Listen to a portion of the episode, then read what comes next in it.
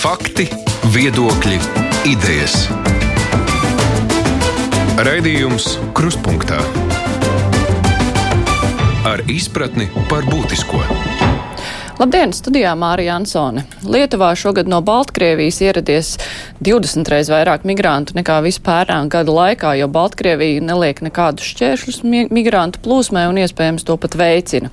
Lietuvas Seimas otrdien pieņēma rezolūciju, kurā palielinājušos nelegālo migrāciju caur Baltkrieviju ir atzīts par hibrīdu agresiju. Cik stipra tad ir Eiropas Savienības austrumu robeža, tajā skaitā arī Latvijas austrumu robeža, un kas tiek darīts tās stiprināšanā, par to mēs runāsim šodien raidījumā. Eironet Plus, Milāno, Zagreba, Brisele, Sofija, Rīga. Eironet Plus, vadošā Eiropas ziņu radiostaciju apvienība. Saprast Eiropu labāk! Kopā ar mums klātienē ir premjera padomnieks Māris Cepurītis. Labdien! Labdien! Savukārt attālināti kopā ar mums ir Eiropas parlamenta deputāts Ivars Ījaps. Sveicināti! Labdien! Un arī iekšējot ministrijas valsts sekretārs Dmitrijs Trofīmovs. Labdien! Premjers nu pat arī bija devies apmeklēt austrumu robežu, tieši tur, kur ir robeža ar Baltkrieviju, un secināja, ka aizsardzība notiek augstā līmenī, bet uh, es pieļauju, ka arī Lietuvas robeža līdz šim tika aizsargāta augstākajā līmenī. Tomēr mēs redzam, ar kādām problēmām lietuvieši ir saskārušies, vai Latvija ir gatava uh, tam, ka varētu arī caur mūsu robežām sākt plūst nelegālie, im, nelegālie migranti, kurus nu, otra puse neattur. Uh -huh. Jā, šī premjera vizīte, kas notika šodien, otrdien, jāsaka, viņa bija plānota jau kādu laiku iepriekš, bet sanāca realizēt tikai, tikai tagad. Bet tas vien pamatoja arī šie, notikumi uz Baltkrievijas un Lietuvas robežas, pamatoja arī to aktualitāti. Tad premjeram, kas, kas uz vietas sanāca apskatīt gan Latvijas-Krievijas robežu, primāri iepazīties, gan kā šī robeža izskatās dabā, jo nu te var attiecināt teiksim, teicienu, ka labāk vienreiz redzēt nekā simtreiz dzirdēt, tiešām kā tad, kas tad ir, kāda tad šī tad robeža izskatās dabā un ar ko tad uh, sastopās robežsārgi ikdienā, uh, veicot šo te uh, robežas uh, apsardzību. Un um, salīdzinājumam arī sanāca apskatīt uh, faktiski divus. Uh, robežas posmu, posmus, vienu šo Latvijas-Krievijas robežu pie opoļiem, kas ir labi iekārtot ļoti augstā līmenī, izmantojot arī ļoti augstas tehnoloģijas, kas ļauj robežsargiem faktiski reālajā laikā reaģēt uz, uz kādiem potenciāliem pārkāpumiem, un arī robežas posmu pie tā saucamā draudzības kurgāna, kur ir Latvijas-Baltkrievijas robeža, kas vēl nav tik plaši labi iekārtota un kur tas darbs ir, ir, ir jāveic. Bet tas, kas ministrs prezidentā, ka, ka, kur viņš rada pārliecību, ir tiešām robežsardzes augstā profesionalitāte gan redzot jau no vadības līmenī, kā tiek plānota šīs te darbības un arī kā tiek izsvērti iespējamie risinājumi, piemēram, piemēram kaut vai šis te pašu dzeloņstiepļu žoga izveidi uz, uz Lietuvas un Baltkrievijas robežas, arī, arī Latvijas valsts robežsardze apsvēr šādu te risinājumu, bet, protams, ir jāskatās arī, ka tās, tās ir izmaksas papildus un vai šāds te žoks dos cerēto efektu, jo Tas nav salīdzināms ar, ar, ar piemēram, dzelzbetonu sienu vai tādu labi iekārtotu, tiešām augstu žogu, kur ir nepieciešams ilgāks laiks, lai pārvarētu, bet nu, tādam dzeloņa stiepļu faktiski izklājumam tur ir iespējams vai nu, biezāku mēteli pārmest pāri un diezgan viegli šķērsot. Tāpēc arī viens no šiem lēmumiem, ko robežsardze ir pieņēmusi, ir, ir lūgt bruņoto spēku, konkrētāk zemesardzes palīdzību, piesaistot šos resursus, veicot regulārākas patruļas, lai īstenotu šo te robežu, robežu monitoringu. Trofimov kungs, kas ir tāds nu, lielāks izaicinājums tīri fiziski nosargāt, lai cilvēki, kur ierodās teiksim, no Baltkrievijas, kur ir nokļuvuši tajā pusē līdz robežai, nu, varbūt viņus neviens tur neaizskavē, un tad viņi mēģina tikt iekšā, tad nosargāt šos te ceļus, kuri nav oficiālie ceļi, vai arī pēc tam viņus noķert un tad kaut kā ar viņiem tikt galā. Tad, kas ir tā primāra risināmā problēma, nu, iespējams, tuvākajā nākotnē pagaidām jau tā plūsma un caur Latviju tā kā neiet? Jā, paldies, ja atļausiet. Es gribētu īpaši norādīt to, ka šī kopējā premjera un iekšlietu ministrs vizīte bija ļoti svarīga nozarei. Robeža apsardzība, jeb integrētā robeža pārvaldība, skaidrs, ka šis ir horizontāls jautājums un neskar tikai iekšlietu nozari. Šī ir, šī, šī ir visu faktiski horizontālā pieeja visas valdības kontekstā par izaicinājumiem. Es domāju, tas, ko mēs šobrīd, kur mēs esam, mums ir iespēja šobrīd izmantot laiku, kas mums ir dots, redzot to, kas notiek uz Lietuvas robežas un Baltkrievijas robežas. Jo tas, kādi izaicinājumi ir uz dienvidu robežas Eiropas Savienības kontekstā Itālijā un Grieķijā, faktiski, protams, šeit nav nekas cits Tās ir procesēšanas kapacitāte, cilvēku izvietošanas kapacitāte, palīdzības sniegšanas kapacitāte. Ja, tas viss arī ir bijis faktiski par kopīgo iemeslu no visa šī, arī Lietuvas valdības lēmumam par ārkārtējās situācijas izsludināšanu, lai varētu nu, efektīvāk un visaptverošāk iesaistīt citus resursus. Tā kā vēlreiz Izaicinājumi nav unikāli. Mums šobrīd ir iespēja pārbaudīt savu gatavību un vēlreiz pārliecināties, ka šie rīcības plāni, kurus mēs esam iepriekš jau arī trenējuši, ir gatavi potenciālai situācijai. Bet eh, nu, rīcības plāni gatavi. Mēs esam gatavi tam, ka nu, šīs robežas garumā, kas ir apmēram 170 km, nu, kaut kur pēkšņi arī kāds sāks eh, varbūt pievest ar autobusiem cilvēkus, un tad viņi mēģinās šķērsot uh, robežu. Nu, mēs tādam, tādai, tādai situācijai esam gatavi. Jā, tātad mēs tad par faktiem runājot. Šobrīd mūsu izmitināšanas kapacitāte ir divi aizturēto centri, robežu, tātad Daugopilī un Muciniekos pa 84 cilvēki, plus tā kapacitāte, ko mēs izveidojam 15. gadā pārvietošanas schēmas ietvaros, attīstot to līdz 450 cilvēkiem, plus daži desmitie ģimenēm ar īpašām vajadzībām Liepājā. Un arī krīzes laikā mēs izmantojām, protams, sadarbojamies ar valsts policijas Latgales reģiona kapacitāti. Tā kā faktiski mēs runājam ap 600 cilvēkiem. Atgādinu, šobrīd tie ir tikai daži tātad uz situāciju šodien, kur ir šķērsoja robeža.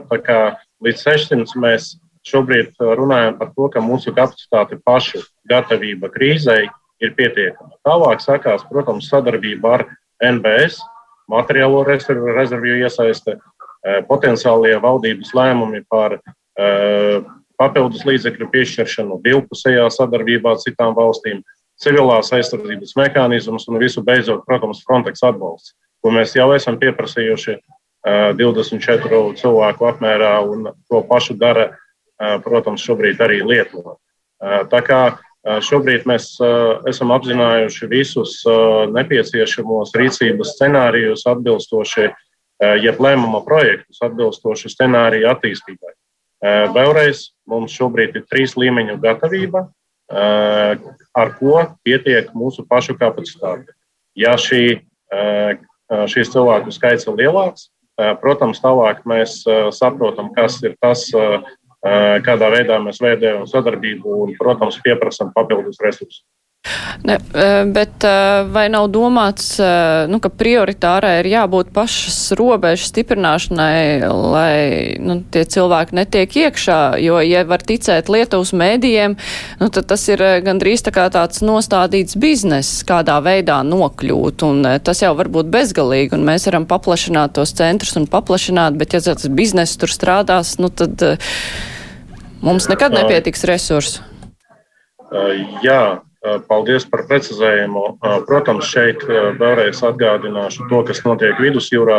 Lielā mērā tas ir šīs sara operācijas, glābšanas operācijas, un šo visu cilvēku izkāpšana krastā nozīmē arī obligāto šo cilvēku procesēšanu, proti, lēmumu pieņemšanu par šo personu atbilstību potenciālam patvēru meklētāju statusam, ja, protams, izraidīšanai atpakaļ tajā izcelsmes valstī. Mūsu gadījumā Tātad robežas stiprināšanu šobrīd, ja mēs runājam par ierīkošanas projektu, nekāda darba šobrīd nenotiek. Tā ir apturēta objektīvo apstākļu dēļ, saistīts ar attiecīgo valsts kontrolas revīziju un mūsu, protams, pienākumu nodrošināt šo ieteikumu ieviešanu un tad secīgi iztenot gan uzmērīšanas, gan koksnes novērtēšanas, gan būvprojektu.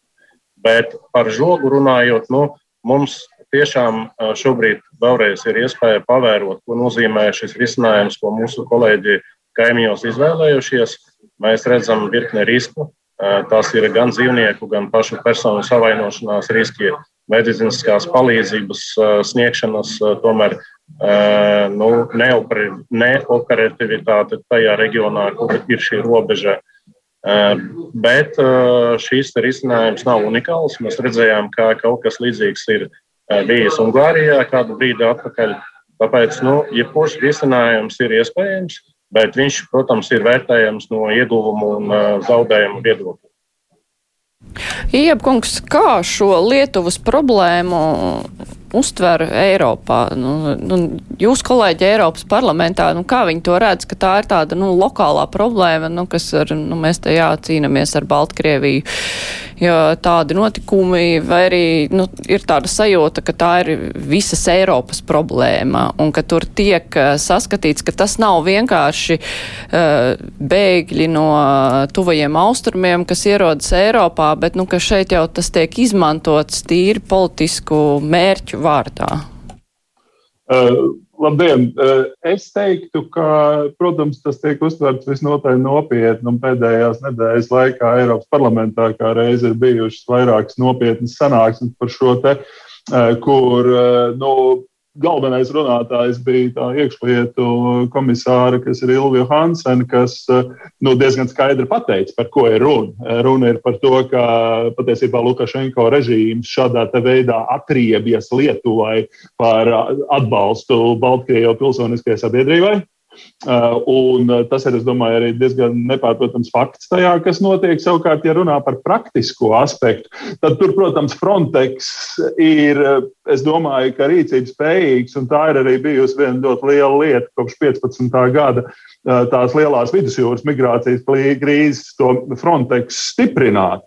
Un es domāju, ka tas, ka Lietuva ir pieprasījusi un arī Latvija ir pieprasījusi šo līdzdalību, es domāju, ka ja tā krīze nemazināsies, tad tas noteikti būs. Un mēs jau šobrīd, es saprotu, ka Latvijā ir kaut kādi daži, bet, bet Lietuvā jau ir pār pa simtam šie Frontex robežsargi, kas palīdz vienkārši to robežu kontrolēt. Jo nu, ir pavisam skaidrs, ka nu, nelegālā migrācija tā, nu, diemžēl, nav tikai vidusjūras problēma.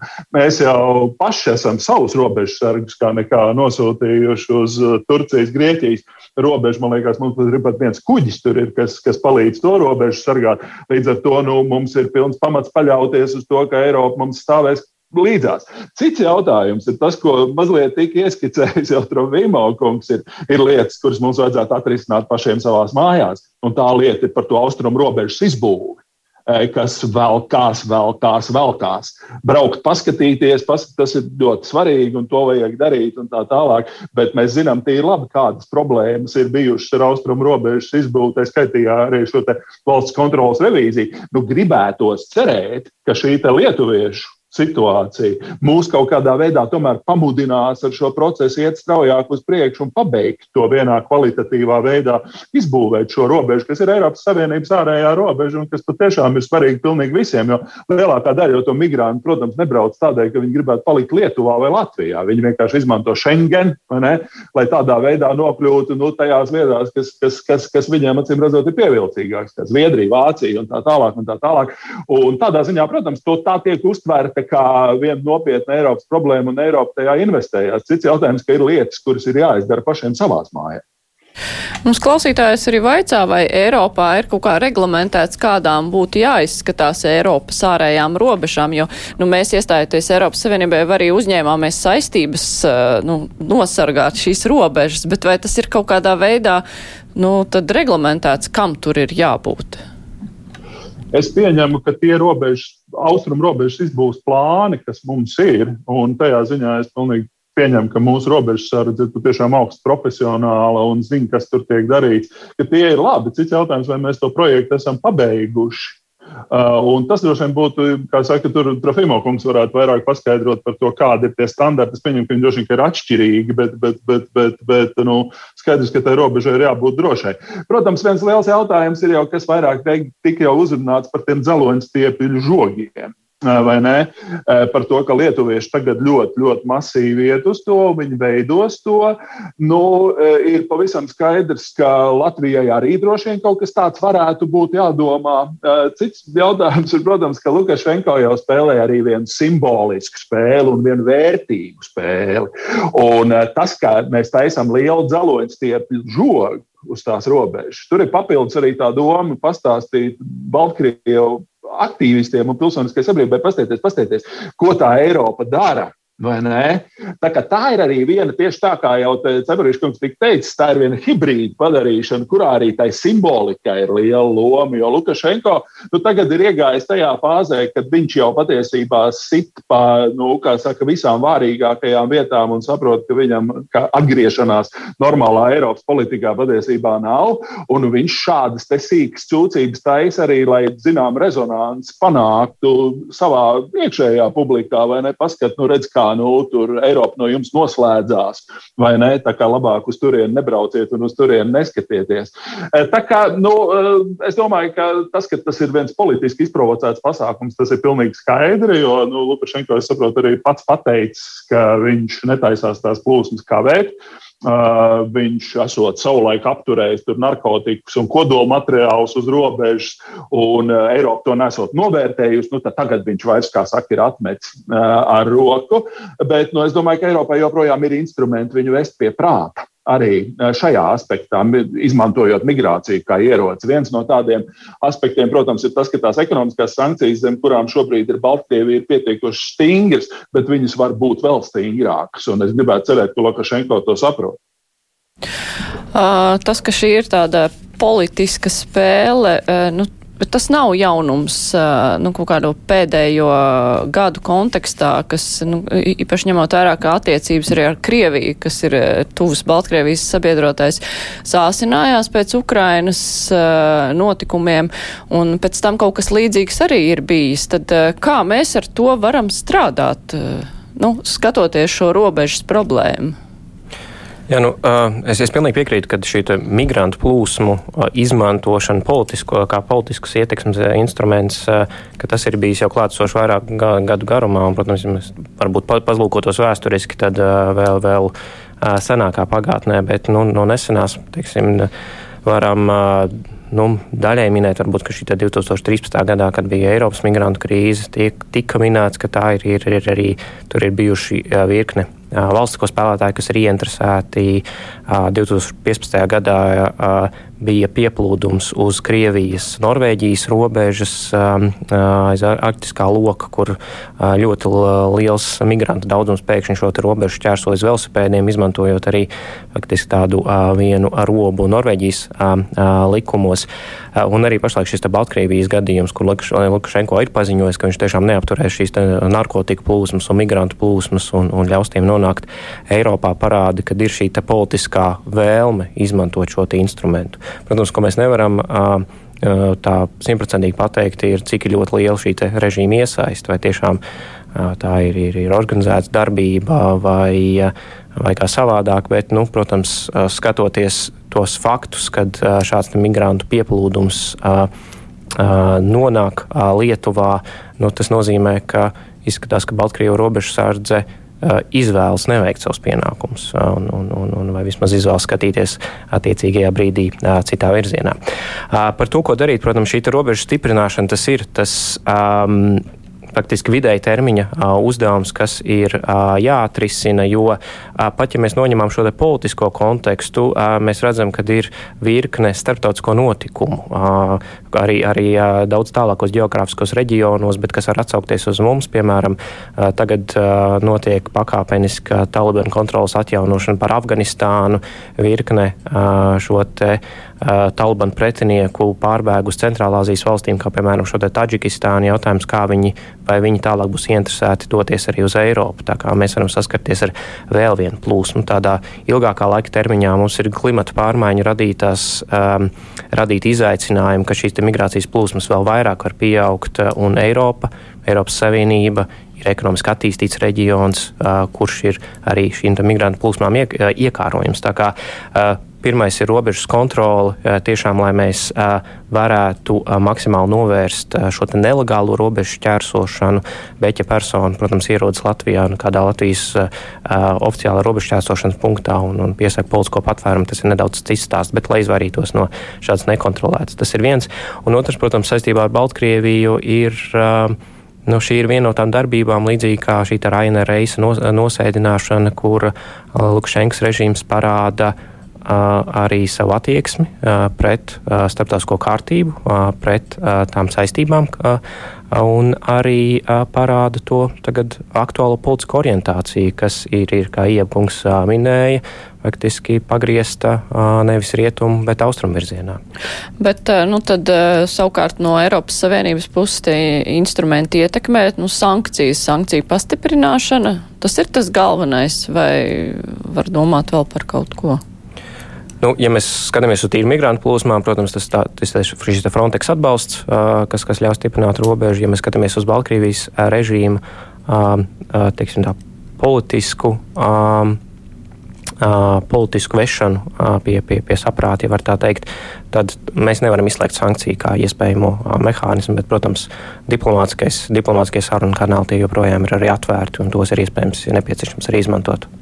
Nu, kā Iebkungs minēja, tad nu, režīms, ja grib, es jūs citēšu, sīkās cūcības darīt, nu, tad principā, nu, kā, kā gan viņu atturēt no tā Iebkungs?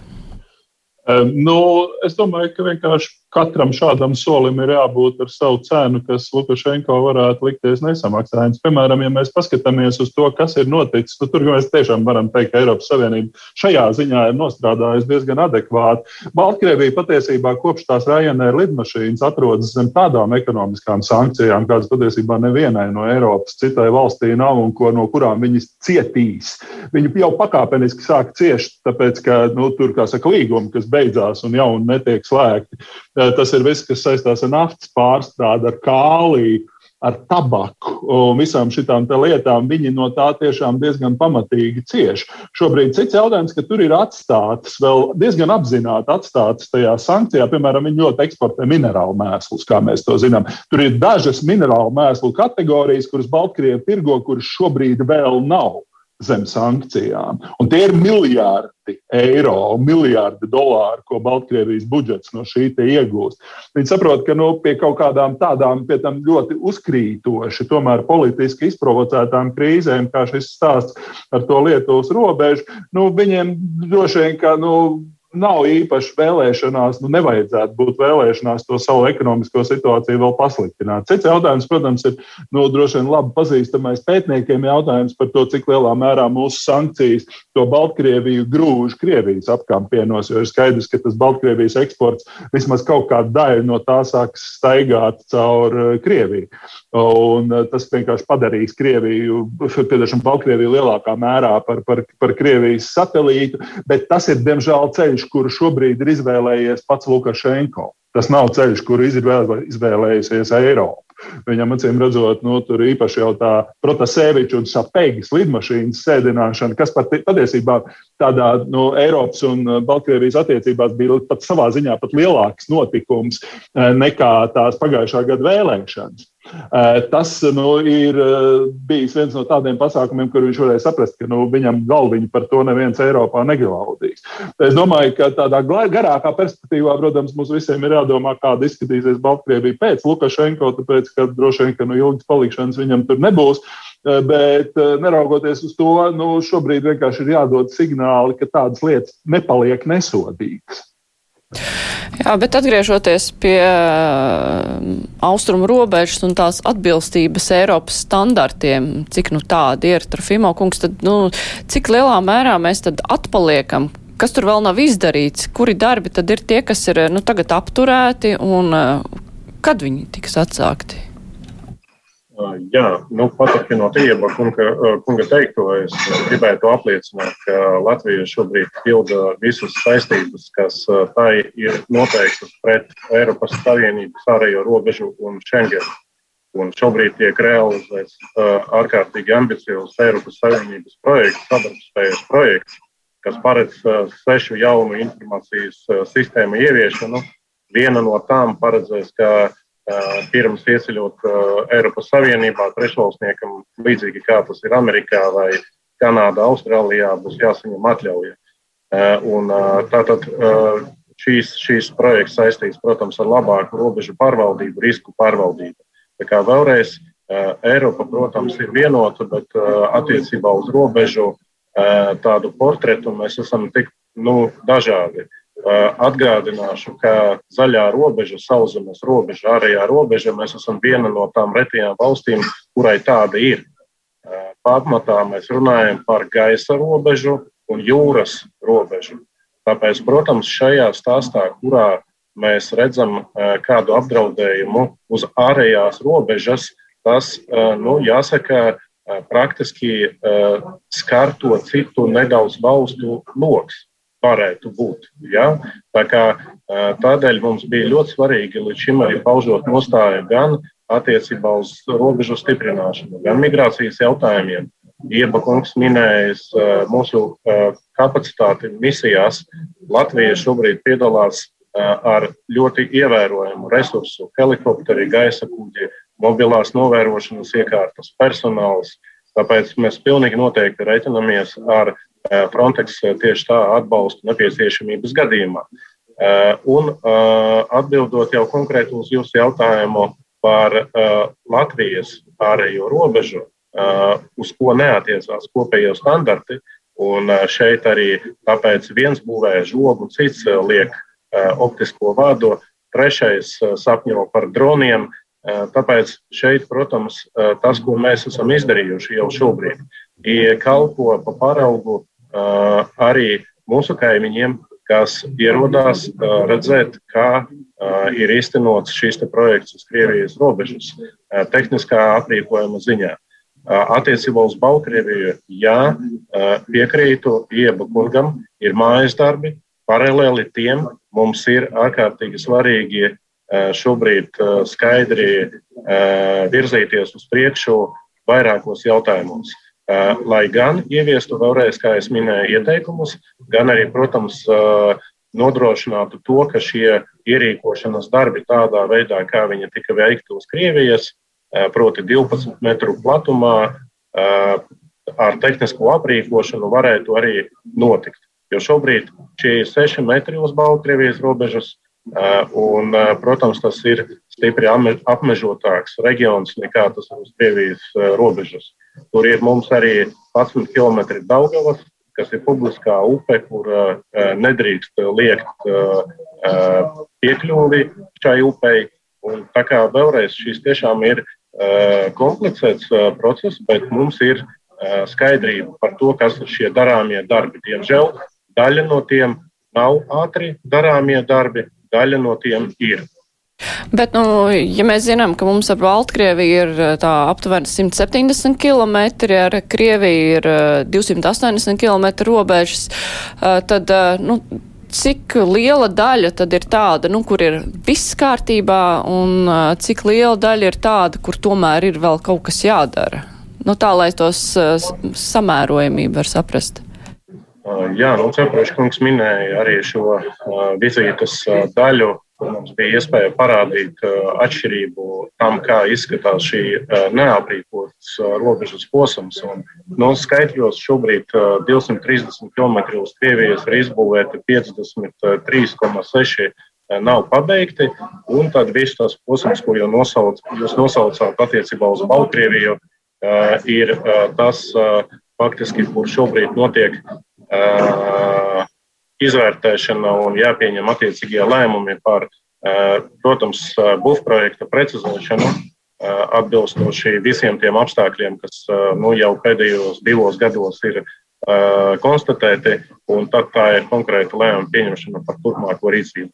Šie ir tie posmi, kuros būtu jāveic viens vai cits darbs. Šobrīd vēlreiz programma minimums tie ir šo 6 metru un patrulēšanas takas uzturēšana, kur robežsargi fiziski, nu, protams, var pārvietoties, bet tā ir diena pret nakti, protams, tie apstākļi, kas ir uz Baltkrieviju salīdzinot to ar Krieviju.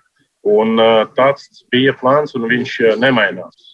Vienkārši nu, šie jautājumi, kas ir jāatrisina, tie ir tie, kas šobrīd arī primāri ir mūsu dienas kārtībā. Bet uh, laika izteiksmē, nu, jūs pieminējāt šo valsts kontrolas revīzijas ziņojumu, kas ir visu aizkavējis, bet, uh, nu, kurā brīdī tad viss tālāk var notikt? Tātad šobrīd beigsies iepirkums uz visiem tiem zemju uzmērīšanas darbiem, kas ir orientēti uz Baltkrieviju. 21. un 22. gads ir darba uzdevums zemju uzmērīšana vienlaikus ar koksnes novērtēšanu un attiecīgi uzņemšanu bilancē. Mēs esam šonadēļ sagatavojuši virkni likumdošanas iniciatīvu pēc tikšanās ar aizsardzības ministru, kur būs ļoti svarīgi, protams, Eh, Gerharda kunga, Vitsenberga kunga atbalsts tajā, lai eh, paredzētu tādu pašu sadarbību, kāda ir ar aizsardzības ministriju un robežas ierīkošanas projektā. Mums sniegtu atbalstu gan Latvijas valsts meži, gan būvniecības, valsts būvniecības kontrolas birojas. Un, ja mums izdosies panākt labu sapratni par šīm izmaiņām, tad šī atlikusī daļa, proti jau konkrēti būvniecībā pilnīgi noteikti varī, varētu norītēt, eh, nu, jāsaka, eh, daudz sakārtotākā arī normatīvajā regulējumā, nekā tas ir bijis eh, līdz šim.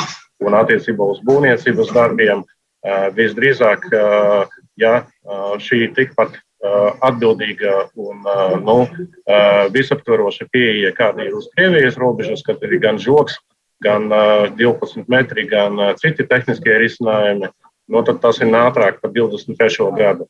Ja ir kādi citi risinājumi, kas ir šobrīd diskusijas priekšmets, tad nu, tas, tas ir atsevišķa diskusija, atsevišķie lēmumi. Paldies! Runājot par to, kas varētu sekot, redz, Baltkrievijas opozicionāri, nu, Lukašenko oponenti pieļauj, ka Lukašenko ar to var neaprobežoties, nu, ka šī te migrācijas neierobežošana ir viens no soļiem, bet, nu, ka varbūt arī narkotiku, iespējams arī kodola materiālu ieviešana Eiropas Savienības teritorijā, nu, ka var uh, kaut kā izvērst, vai mēs domājam par to, ka tas varētu vēl kaut kādā veidā tikt pagriezt šīs te naidīgās attiecības, uh, izvērsties tālāk. Jāsaka, tā, protams, ir Lukašenko un viņa režīma izvēle, kādus instrumentus pielietot attiecībās pret rietumiem un pret Eiropas Savienību. Uh, un, bet viņam ir jārēķinās arī ar uh, riskiem, uh, kas, vai teiksim, šo te pretreakciju, kas var nākt uz jebkādu um, darbību no viņa puses, ja viņš izvēlēsies šo situāciju eskalēt. No Latvijas viedokļa varbūt būšu lakonisks, teikšu, ka mums ir, ir virkni institūcija, kas ļoti rūpīgi seko līdzi arī norisēm Baltkrievijā, norisēm arī, protams, uz, uz, uz mūsu mūsu robežas un nepieciešamības gadījumā arī tad informē lēmumu pieņēmējus par nepieciešamo rīcību, un tad mēs varam redzēt, vai tā rīcība ir nepieciešama Latvijas uh, ietvaros, vai mums jau ir tālāk jāiesaista partneri, tā skaitā Eiropas saimnības uh, augstākajā līmenī. Iepkungs, kā jums šķiet, vai ir bažas, ka tas izvērsīsies plašāk, tālāk un citos veidos? Es domāju, ka no Lukašenko šobrīd var sagaidīt pilnīgi jebko. Līdz ar to tur nav jābrīnās ne par, nu, par kodola materiāliem un narkotikām, ar kurām viņš pats kaut kā ik, ik pa brīdim draud, ka tās viņš neapturēs. Nu, tādā ziņā es domāju, ka no Latvijas un Eiropas dienestiem ir jābūt diezgan gataviem uz nu, neordinārākajiem pavērsieniem, jo viņš jau vairs nespēlē ne pēc kādiem noteikumiem. Zin kā, nu, ir kaut kāda tā formālā, starptautiska tiesiskā lieta, un tad ir kaut kādas nu, teiksim, lietas, kuras vienkārši ir nepiedienīgi darītas starpvalstu attiecībās. Lukašenko jau ir izgājis ārpus abiem šiem rāmjiem. Nu, tas uh, Ryanair lidmašīna ar Sapēgu un, un Protaseviču bija tam, es domāju, diezgan skaidrs signāls. Es domāju, ka lietuviešiem tās attiecības ar Baltkrieviju un Baltkrievijas tēmu kopumā ir mazliet teiksim, tā, aktuālāk nekā mums, tāpēc ka viņiem ir vēl papildus faktors tajā visā, kas ir enerģētika un īpaši tā Astrjāvētas kodola elektrostacija, kas ik pa brīdim eh, tiek tur dažādos veidos aiztaisīta, padarbināta, atkal attaisīta vaļā un tā tālāk. Un tā tālāk. Ja mēs tā padomājam, tad tas ir arī viens ļoti nopietns risks, jo, protams, ka tā Astravets kodola stacija atrodas 40 km no Viļņas, bet viņa atrodas arī apmēram 200 km no Latvijas robežas. Uh, kaut kur nu, saka, no Daugavpils. Un, uh, tas ir, man liekas, arī viens papildus fakts faktors, ko Eiropas Savienība ir pēdējos gados diezgan intensīvi aktualizējusi, bet nu, Baltkrievu uzvedību tas nav ietekmējis, jo ir skaidrs, ka enerģētika mūsu reģionā vispār ir viens diezgan uh, politiski aktuāls temats, vai ne ar visiem tur gāzes vadiem un tam līdzīgām lietām. Un tas, ka tas process, kā tā atomelektrostacija tajā Astravecā ir tikusi būvēta un cik lielā mērā tur ir tikuši pielaisti klāt kaut kādi starptautiskie eksperti, tā skaitā no Eiropas, tie visi ir joprojām ļoti lieli atvērti jautājumi. Tas nav tādēļ, lai biedētu. Jo nu, gribētu domāt, ka nu, saka, šīs nozares tiek uzraudzītas pietiekoši nopietni. Bet katrā gadījumā tas ir viens faktors, kas uztrauc lietuviešus diezgan nopietni, un arī mums tas gal galā nebūtu nav kaut kas tāds, par ko mēs varam aizmirst uz visiem laikiem. Bet poļiem tur ir kaut kas sakāms. Ko poļi vispār eh, runā par visu šo situāciju? Vai viņus eh, kaut kā tas viss ir eh, tā Lukašenko dusmas aizgājušas uz lietuviešu pusi pamatā? Nē, nē, ar Poliju un Baltkrieviju ir vēsturiski diezgan sliktas attiecības, ņemot vērā to, ka Lukašenko, kā zināms, spaida uh, Baltkrievijā diezgan vērā ņemamo poļu minoritāti visādos veidos un uzskata viņus par piekto kolonu un tā tālāk. Tā kā poļi šajā aspektā ir pilnīgi ar mums kopā. Cits jautājums, ka acīm redzot, Polijas un Baltkrievijas robeža nav tik aktuāls jautājums, jo iespējams, ka viņi jau, es tagad tikai mīnu, bet man liekas, ka varētu būt, ka viņi ir izbūvēta jau pietiekoši, nu, kā saka, tajos laikos, kad tā bija PSRS ārējā robeža. Bet, uh, Poļi ir šajā ziņā pilnīgi saprotoši, un poļi nu, šobrīd ir nemazāk noraizējušies par mums. Nu jā, tas jautājums, kāpēc Lukašenko ir izvēlējies tieši Lietuvu, tas ir tāpēc, ka nu, Lietuvas atbalsts Baltkrievijas tāpēc, opozīcijai domāju, ir visjūtamākais. Jā, jā, jā, es domāju, ka tas ir nepārprotams skaidrs, jo uh, skaidrs, ka Baltkrievu opozīcijas centrs uh, Eiropā ir Viļņa. Gal galā uz turieni pārcēlās arī tā viņu humanitārā universitāte, un tur notiek ļoti daudz lietas, kas ir saistītas ar, ar, ar, ar, ar Baltkrievu opozīciju. Un tieši šī iemesla iemeslu dēļ arī mm, Lietuvas prezidente, gan prezidents tagadējais, ir bijuši diezgan nu, tā, atklāti savā domās par Lukašenko. Un es domāju, ka viņi to uztver diezgan sāpīgi, bet tas jau nenozīmē, ka mēs jau tur, mēs, mēs jau tur patās vien esam. Tajā ziņā nu, nu, mēs esam diezgan līdzīgas valstis ar diezgan līdzīgu geogrāfisku izvietojumu tūmā Baltkrievijai. Un tas nav iemesls cerēt, ka viss vētra paies mums garām. Bet, nu, tā pavisam īsi rezumējot, tad pēc ņemot vērā visus šos pēdējā laika notikumus, tad uh, Latvija, nu, principā ir apņēmusies, tad, nu, lielu uzmanību pievērst robežu stiprināšanai. Nu, tas, kas kādreiz šķita, nu, varbūt kaut ko var pagaidīt, tad tagad uh, darīs visu un tūlīt. Tāds, tāds ir noskaņojums valdībā vismaz. Pavisam noteikti mēs varam teikt, ka, ka austrumu robežu stiprināšana ir viena no prioritātēm. Tā arī ir, tas ir viens no punktiem valdības rīcības plānā. Un šie notikumi, aktu, notikumus uz Lietuvas un Baltkrievijas robežas, to vēl vairāk ir aktualizējuši. Protams, ir jautājums, tiksim, tā, tas fiziski ierobežojumi, cik ātri to, to var uh, paveikt. Uh, bet uh, valdības līmenī, tur, kur ir nepieciešama valdības lēmumi, vai nu tas ir, ir par normatīvu aktu grozījumiem, vai arī nepieciešamo finansējumu. Protams, tās būs diskusijas budžeta ietvaros, bet tur nekāda kavēšanās nebūs. Tur ir, ir, ir aicinājums arī, protams, tik līdz iekšlietu ministrijai ir sagatavot atbilstošie normatīvie aktu projekti, tad uh, tos izskatīt valdībā. Mm -hmm. Es teikšu ar to arī paldies. Premjera padomnieks Mārs Cepurīts bija šodien kopā ar mums, paldies. arī Ivars Ieps, Eiropas parlamenta deputāts un Dmitrijs Trofīmaus, iekšēt ministrijas valsts sekretārs. Tūlīt būs brīvais mikrofons, bet es saku diskusijas dalībniekiem vēlreiz paldies. Eironet Plus, Milāno, Zagreba, Brisele, Sofija, Rīga. Eironet Plus, vadošā Eiropas ziņu radiostaciju apvienība. Saprast Eiropu labāk!